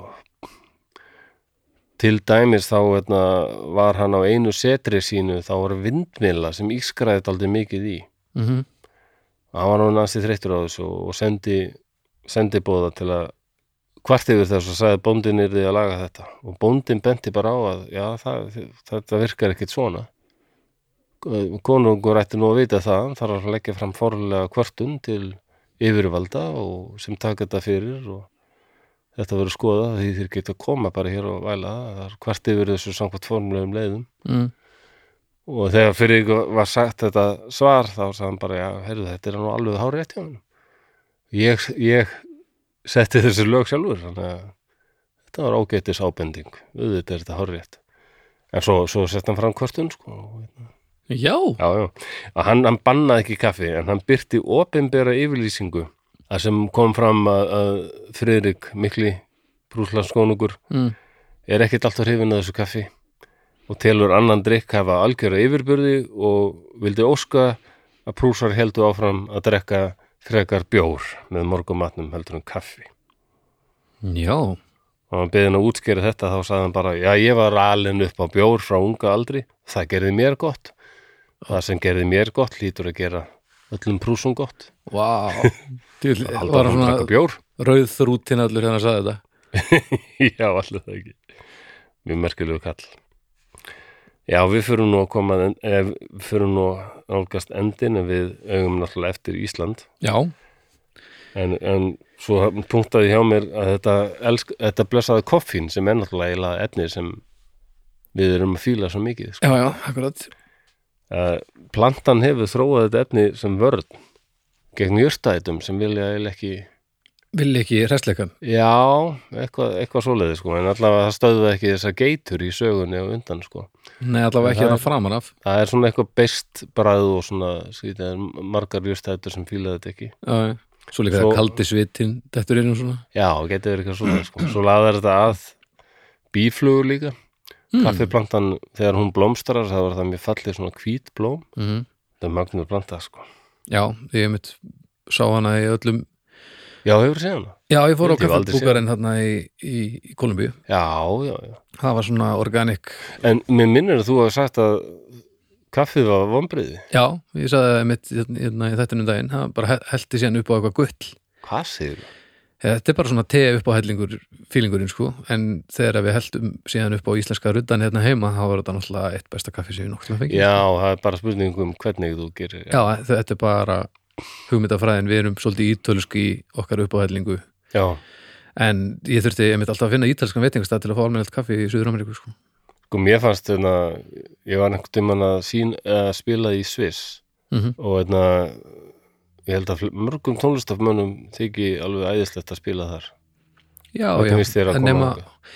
það er ógeðislega leðilegt að fara með varningin yfir landamærin Nú, það, já, Það er þetta- heitlilega mikil það er pappir lítið hlutlaust og svona Já, bara pappisvinnan er, já, Já, já. er bara svo yfirgengileg og undlegaðileg sko. en það er svolítið gott að vera þar já, ég mann ég fekk kaffið þarna og ég sagði vera vá, ma- þetta er nú bara eitt besta kaffið sem ég fengi í allir Evrópu Já, já, þá hlóðu þau og sagði, látt ekki neitt ítala heyra til þín nei, því að alltaf þegar svisslýtingar eitthvað að reyna að þykjast fyrir að og það er gott kaffið í sviss mm. en ítalir eru með eitthvað ítalst orð sko sem ég bara því miður maður ekki hvernig er það er örgulega mjög flott En þýðir hvað? það er örgulega eitthvað hvernig alltaf það er Ingo Calamari Ingo de Calamari eitthvað svoleiðis Okay. það er sem sagt uh, við kalla svisneska kaffið og bara allt kaffið fyrir utan Ítalíu kolkrabba blek þegar kolkrabbin hann gefur, Vá, spýtir út úr sér eitthvað svona sar- svörtu gulli til að pínu ljóðrænt sko Já, Já, Ítalir er náttúrulega stutt í listina og, ljó- já.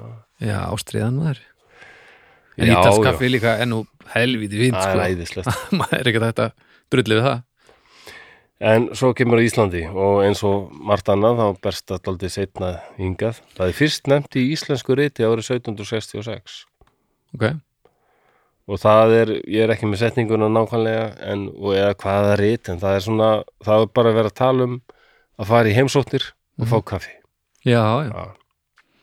Að það kemur til Íslands á þess þeirri öld, átjöndu öld ok og eins og ég sagði áður áðan að held ég þetta sé eitt, eitt af þreymur hlutum innflutum sem Íslendingar hafa tekið rosalegu ástfóstri við jeppi, sement og kaffi en ekki voru allir hittnir samt af kaffi og hér á Íslandi var það nú kannski ekki hættan að fólk kemur til að saman og væri að higgja á uppreist heldur bara meiri hræðsla við svona upplaust sem fylgdi eh, til dæmis, það er oft nefnt í sama sömu andra og brennivín Já, og hérna ég tók fyrir hérna úr orðabók um, hvort það er háskólans eða einhvers á málvísindasjóðus Mm. sem ég seildist í það var hérna innan gæsalappa er setning sko frá átönduöld nefnum óvætti sem við allir þekkjum kaffe og brennivín sem oss eru í fullu gildi stríðs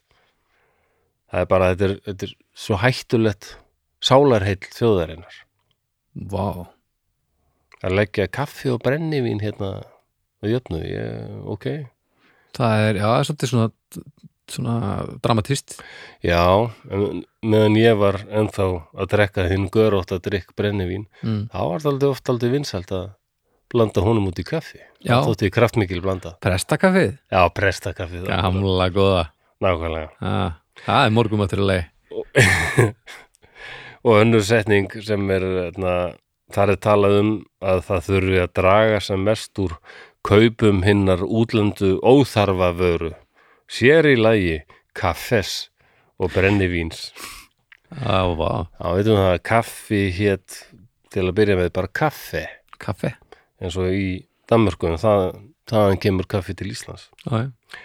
og kaffi er fyrst aðeins bara drukkið af yfirstjættinni og þá aðalega á sunnudöfum já já Þetta er bara munuð að vara Já, munúðar og munaðar Munuð að vara og hérna á, sko, árið 1760 mm þegar aðeins um 250 manns bygguð hérna í Reykjavík 250 250 manns Æ, dúlulega Reykjavík Já, vá, hvernig ætla hún hafi verið Það er nú til eitthvað að teknaður myndir af henni frá þessum tíma Það er, þetta er ekki stórt Það er engin á henni Já, það er ekki margir Hvað búa margir, í- hvað er eitthvað þorp á landinu þar sem búa 250 Nei, ég meina, akkurat núna, þá mætti hvað, ef það væru þrýr tónleikar í gangi í einu Já, ef það væri hægt að halda tökja með trælæðinu, hérna, þá geta allir farið Það verður ekki að vita ok, þú ert bjart sínismæður fljótur að sjá já, ljósuspunktan í þessu En þú veist, það hafa örugglega verið tveir tólestamenn á Íslandi á Já. þessum tíma og annar var á upptíkin að að móka flórin eða eitthvað þannig að það var bara eitt gig og það komist ekki allir og það endaði allt í skrúfinni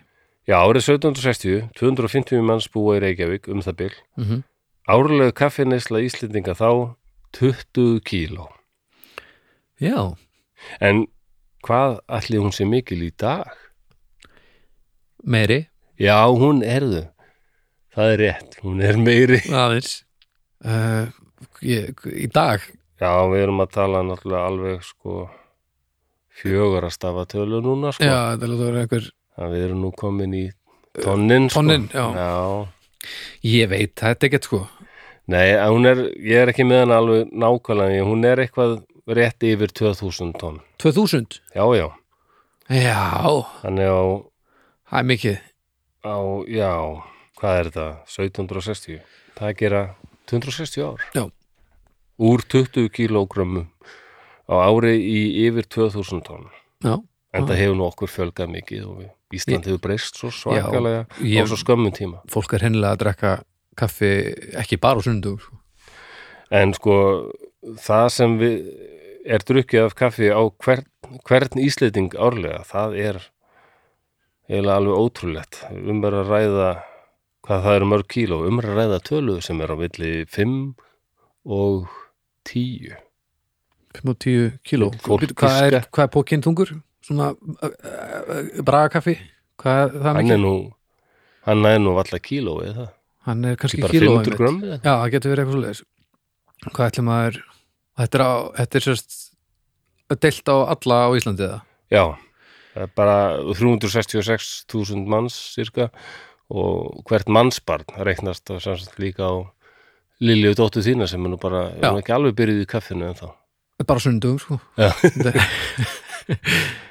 ég, þá er þetta bara eitthvað 6-7 kíló eða eitthvað það er rétt, það er 6 kíló af 6 kaffi kíló Mm. og hvern íslending árlega um, hvað varst þú, já, talandi um Lilju hvernig ætla hún byrjaði að drakka kaffi hvað varst þú gamall þegar þú fjast þér fyrst kaffi uh, ætli ég hef ekki verið 16 já, og bara mjög meðvitað já, ok, þá bara byrjaði ég að drakka kaffi fyrsta vikan eða tvær voru hörmulegra því að mér varst ekkert gott já, ok uh, en ég ákvaði að byrja að drakka kaffi ég ákvaði að byrja að drakka kaffi án þess að vera með mjólk eða neitt já, að því ég var búin að fylgjast með fólkinni kringum mig ringsnúast um allan bæ leitanda mjólk svo það var hægt að drekka þetta ég vissi strax að þetta er eitthvað sem að ég myndi vilja geta leitað í bara af því að þetta er svo, mér er svo notalegur fílingur í kringum þetta mhm en ég vildi ekki vera mjólkur hlauparinn eins og, eins og sumir þannig að ég bara þrælaði ofan, mig, ofan í mig kaffi í nokkra vekur og þá var það bara komið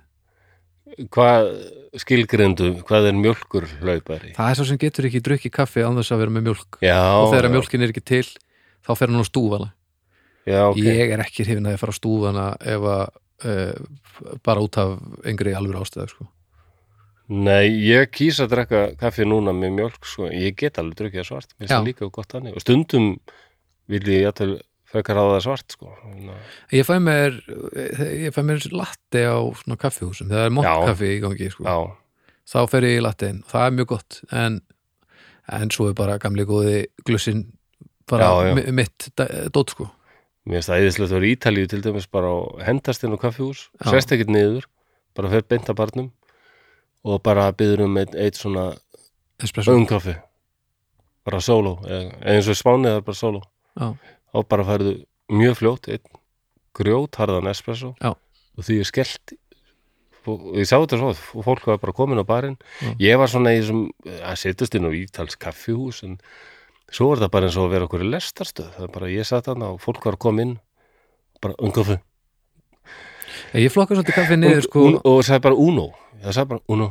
og hendir í sig sko einum espresso og æður út Já, aftur þetta er bara eins og lif, þarna er fólk Já. bara að nota þetta eins og lif En ég er sérst búin að flokka niður kaffi ef ég aldrei sett þeirra Ég er með mjög gott flokkunarkerfi á kaffi að því að trykkið við að finna gott kaffi það er að gera sér grein fyrir því hvað bollin á að, að fyrirstilla í lífiðinu Við erum með þrjá undirflokka Það er vond kaffi, það er gott kaffi og það er kaffi ríkamannsins og svo erum við með uh, tvo undirflokka í hverjum flokki það er sem sagt, vond vond kaffi það er gott vond kaffi það er gott, vo- nei, vond gott kaffi það er gott gott kaffi vond kaffi ríkamannsins og gott kaffi ríkamannsins wow. kaffi ríkamannsins nú uh, förum bara elsnötti gegnum þetta kaffi ríkamannsins er þegar þú ferð á kaffihús eðir allt og miklum peningum í að fá framúskarandi bolla gott kaffi ríkamannsins kostar mjög mikið er samt eitt af besta kaffi sem þú hérna, getur fengið mögulega þess verið að borga fyrir það og það er ekki svona daglegin neysluvara heldur þá ertu að gera það dagamun vond kaffi ríkamannsins er hörmulegt af því það ertu að borga allt og mikið fyrir bara mjög bolla gott kaffi það er bara svona virkilega fínt upp á held heima eða svona eitthvað svona heimabras gott, gott kaffi, það er svona þegar þú kemur í heimsókn einhver staðar og þú færð framúskarandi góðan bolla, svona eftir mat og eitthvað sem er bara svona algjörlega fullkomið vond gott kaffi, það er ekkert spes af því það er bara svona, þú býst við því að fá góða bollan eftir máltíðan eða eitthvað, en það er bara ekki alveg með þetta, þú veist, vélin er lélega eða fólk kann ekki hella upp á það eða eitthvað svo kemur vond kaffi og það er mjög mikilvægur bolli það er þetta daglega sko þú veist, gott vondkaffi, það er sennilega bara uppáhaldskaffi mitt það er þegar þú ferð í pumpuna í kaufélaginu að morgni dags og Já. færð þér svona f- bara fjölda framleitt pumpukaffi og setur Aha. það í því til þess að koma þér í gang og það er ótrúlega góðu drikkur og Þetta er þar heil- kemur huggunin og svona, styr, Já. svona stuðningunin sem maður er að leita svolítið að sko. Er það þið sanna íslenska alþýðu kaffi? það er nefnilega Já, ok. gott vondkaffi það er, þar liggur íslenska hjartað sko. Já, svo er, svo er vond vondkaffi og það er náttúrulega bara hættulegt það er ekki neysluvara já, já. Ertu eitthvað að tekja þetta? Þa- Já, þetta, minnst þetta magna, takk fyrir þessa yfirferð. Já, já, þetta er bara svona Daldi, lýsingur orðið mont og gott komið daldi oft og ég gæti rugglaðum mikið saman áður en ég myndi ná að mastera þessa. Þú getur farið í appið, hlusta á hana þátt og þú getur hægt okkur niður Það í er helming rétt, já. og þá er eins og ég sé Það að er- segja þér þetta dauða drukkin en þá ættir að ná þessu Já, vonandi. ég, ég, já, ég er að vera búin með þetta. Það Já, er bara, ég man, að, man alltaf en ég byrjaði að drekka kaffi 14 ára þegar ég var að vinna í fiski í stikkisólmi og vildi vera daldi eins og fullornu strákaðu kallarnir og Vel spilað mér fannst þetta ekki gott. Mæ, þetta er, fyrstu bóllin er erfið sko. að ég fyllti þetta mjólk og það var ekki alveg að duga til en ég fór að prófa að setja sigur og mér fannst, já, já, svona tvær matskeiðar að sigri, þá var þetta orðið mjög vel drekkandi þetta hámaði ég í mig allt sumarið eitthvað bara, Þú já, ætla að já, borða þær þetta eða voru tvær og ég matskeður steiftist svo út í unglingabólum að eiginlega gæti ég kannski kent kaffi um að hafa eiginlegt líf mitt Já, en, já, já, nei, nei já, já ég gerði þetta sjálfur, það Þetta er er all- engum öðrum um að kenna en ég er Það er allavega, óunurinn er allavega huggað í dag já, þannig að við- þetta já, já, þetta kannski átti kaffi þannig að óbeint þátti því að ég er alltaf rosalega feimur með konur að því að ég þorði aldrei að tala við konur að því að mér veist ég vera bara svo bólugrafin og hræðilegur Jáha, já, já, æ, ungi flósi ég hefði, ég, ég hefði getað hjálpað þér já, þetta var daldið synd sko, ég verð að segja það því að svo, ég fekk, þessa- svo fekk ég þessa sömu rödd náðum sumari þannig að Komun, segðu mér hún hafi bara komið yfir nóttu já, eiginlega Djúlega var allur hissa já, ég man það bróðið minn bara Það hérna- er rétt að byrja nýfin hann Örðu fyrir ekki að Já, ég maður eru til í hitti það. Baldur stóra bróður minn, stærsta bróður minn það er öll mér sískinn eru stóra Mm. og það er bara, já, blessaður hann bara, hvaða hvað er komið fyrir því? hvaða draugsrödd er þetta? draugsrödd? Ég er rosalega, rosalega fegin að hafa aldrei kynst þér með, með háuröndina Nei, ég, Ég hefði aldrei Ég- hægt að úst, það eru til upptökur að því hérna. Er það? þryggja fjóra ára eitthvað Já, það er aðeins vungt sko, ég væri til í að ná unglingaflosa sko Ná, En mér hefðist nú reyndar og það verið ekki að tala þarna í nokkur ár svona. nei, líklega ekki Rétt Já, opnaði munnin já. til að hella í því kaffi Þetta var óðalegt Já, ég er alveg búinn Það er bara þetta að fyrsta kaffihúsið í Reykjavík það hétt kaffe það heitir eftir grískum guði og nú er ég ekki að gera það kröfur og því, elsku Baldur og þú kunnir gríska goðafæði alveg en þetta er gru- guð, hérna sendibóða guð, þetta er sendibóði guðana Sendi búið guðuna, Já, oft, með vangina þarna Hvað já, heitir hann? hann tátt táknar hann með einhverja vangi Já, æ, hvað heitir hann áttur? allavega, hann byrjar að há á, í grísku, ég held að hann hafi heitið Hero, Apollo Apollo já Nei, hét Hver það, er Herodes? Hann hét, nei, það var hérna út um rugglaði Hades kannski Nei, eða Hefestos Herodes var konungur í Palestínu þetta vondi kallinn sem lét krossesta Jésu já, ég var að tala um hann Já, Hades er það er hérna fínt að hann var ekki sendi búðin maður Hades er hérna Já, hafði þessi vondi hann er undir heim og já, guðin undir heima Já, sem ennú vist ekki drosalega vondur um var gerður vondur í ykkur Disney mynd en hann er Já, það víst hann var ekki. líka fjólublár Nú, Nei, hann var dökkblár, það er rosalegt dökkblár Já, auðvitað með eiginlega svona, eiginlega svona Elvis sveip Nú er það Já En hann Nei, var alveg Hann heit- heitir svo, hann heit Hermes í grísku En Hermes Apollo, held ég, Rómverja köllu hann Apollo. Það eru Hermes Hermes. Café Hermes í Lækjargötu fjögur. Já Að droppa þar inn maður bara miðja 17. öld, 1850-60. Það er Hermes lakrís væri ekki með sama bara- Og það, en það hefði eitthvað tíðkast að sumar húsræðir voru sko að selja kaffið bara heima á sér. Gast bara Já, droppað nice. inn ykkur heima á sér bara og sæl segjuleg, getið nú keiftaðið reitt kaffiballa. Já, já, já, já, já. Glæsilegt og þær máttu ekki selja áfengi en það er nú talið að það hefur oft svona fyllt með Já, já, já, já það var smá prestakaffi hjá þessi júlög mín Prestakaffið en Morgumatur, gjör þið svo vel húsið sem fyrsta kaffihúsið í Reykjavík var í Kaffi Hermes, það er ennþá til það er komið upp á Orbaðisafn Já. Lækjagata fjögur, flott hús Hvernig er opið? ha, ha, Hvernig er opið? á árbáðsæðna Nei, á kaffjúrinu Þetta var svona, ég var að reyna Já, að slá að leta strengi ég, ve- ég veit það ekki hvernig það hefur verið en ég veit að það spruttu upp, upp ekkur fleiri kaffihús en svo gerist eitthvað og um 1900 þá eru sömur danskir embættismenn að kvartæður yfir því að það séu bara engin kaffihús í Reykjavík mm.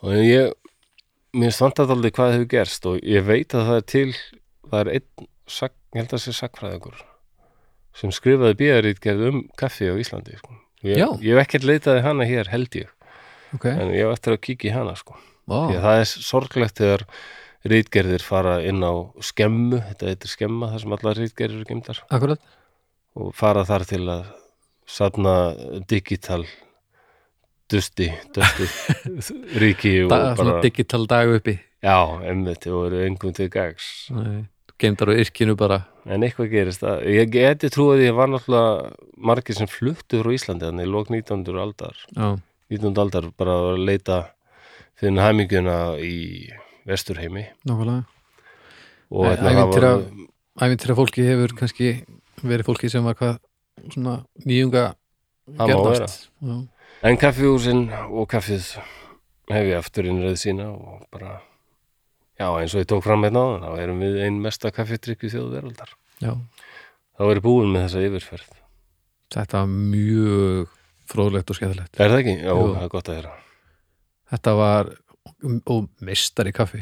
Já, En Já, eins og ég man ekki hvort við töluðum um daginn en það er nú talað um að ef að kaffi kemur markað í dag þá var ekki vist að kemist í gegnum heilsufars uh, svona skoðanir það er ekki vist Nei. að það fengi að fara á markað í dag nei, gallsúrt og, já, og um eitt og hérna, já, hefur, vastlósandi og, hefur áhrif á hjartað og svona. Já, já.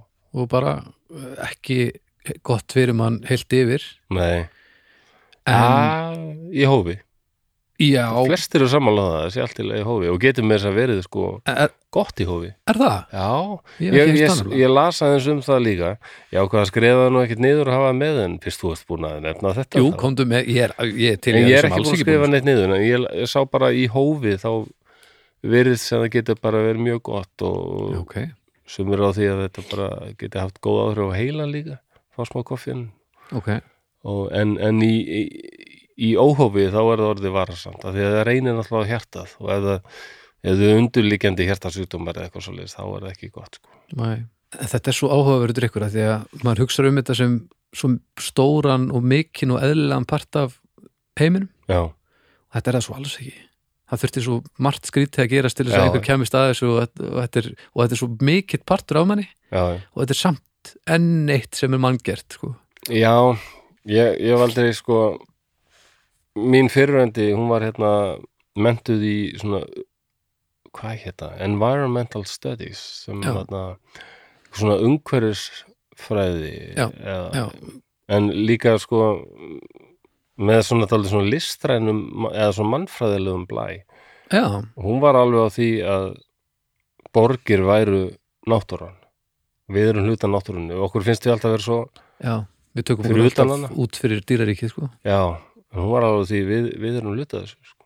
og Já. bara bor, eitthvað bygging, hún er hann hlutað náttúrunni og ég heyrði viðtalið líffræðingu um daginn sem er alltaf skemmtilegt að hann var alltaf að segja að hann væri farin að huga, huga sko rannsaka alltaf meira borgarlíffræði það var það bara hugtakarna líffræðinar bara city Mæ, biology Já, í alvörunni Já, af því að það, þar er fullt af plöntum og dýrum og sem aðlagast aðstæðum þar og það er Algjörlega. bara en það er rosalegt visskerfi og taka mann, mannin inn í það og samskipti hans við Það er nefnilega rosalega hræstni í manni þegar maður dettur í það sjálfur sem maður gerir nú sjaldnar og sjaldnar en að hugsa um mannkinnið sem svona verndara og stjórnanda plánundunar á, og með einhverja hugmyndum að við getum öll samstilt okkur inn á ákveðna vegferð já, sem augljóslega gengur ekki upp frekar en hjá neinu öðru lífformi sem við þekkjum og ég hitti stelpu einhvern tímann sem að var böguð af sk- persónulegri skömmi við því að við séum að eyðilegja plánunduna það eru margir svona mér finnst þetta aldrei synd og þetta hefur ekkert með þig sem einstaklinga að gera Þú- það er ekkert sem þú getur gert til þess að breyta mannkyninu í eitthvað sem það er ekki og það var svo erf, bara svo leiðilegt að sjá hana gjössanlega buga af sko bara íþingslum yfir því að vera partur af því sem er eðilega gjörðina Já.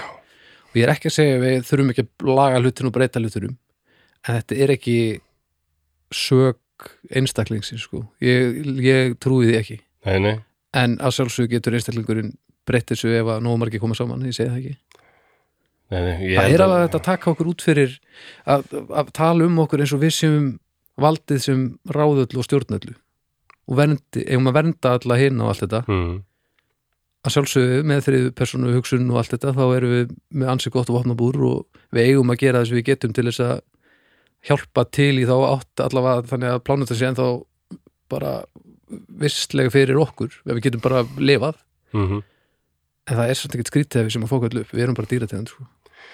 Já, eins og með einstaklingin, þegar einstaklingurinn ver, hérna, ég get nú satt það reynd út, þegar, þegar hérna, eitt besti vinur minn, hann báði hennar Snæbjörn, Mm. þegar hann fer að halda hans í miðpunktur alheimsins, eins og hann gerði stundum á yngri árum, já, þá fannst mér hann ekki skemmtilegur. nei, En svo átt hann að sjá á því, nei, ég er ekki miðpunktur alheimsins, það er fleira fólk hérna. þá er hann bara besti maður í heimi. já, það er bara eins og eins og allir Eins og, og, eiginlega. bara, og þetta er bara gildir um allt mannkinnið við, við Nákvæmlega. verðum að losna við þessa hugsun allt snýst um okkur, en það er líka í þessum trúabröðum þá bara, það bara við vorum aðal sköpunarverk Guðus og allt snýrist um okkur, jörðin hérna fyrir okkur og sólin líka og allt já, slaka á, já, þetta er eiginlega pottið ekki rétt hjá þér nei og bara horfa bara eitt vídeo með Neil deGrasse Tyson á YouTube að bara, hann er bara svo hann tekur hann tíu mínútur í mestalagi að reykja þetta allt saman er einhver búin að senda þetta á páan eða bara forward to pope já, Frans, já, já, hann veit þetta alveg hann, hann veit þetta, já mér finnst hann að hann er daldið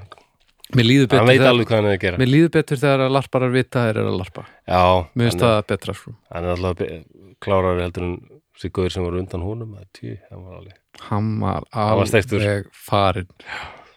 hann var mjög steiktur sko. Já. Já, ég er ekki með meira Nei, þetta var bara mjög, Jú. mjög gott. vona að fólk hafi haft gaman að þessu enda ég varð að tala um þennan uppbólustrykk minn Já, þetta var mjög falleg gegnum ferð.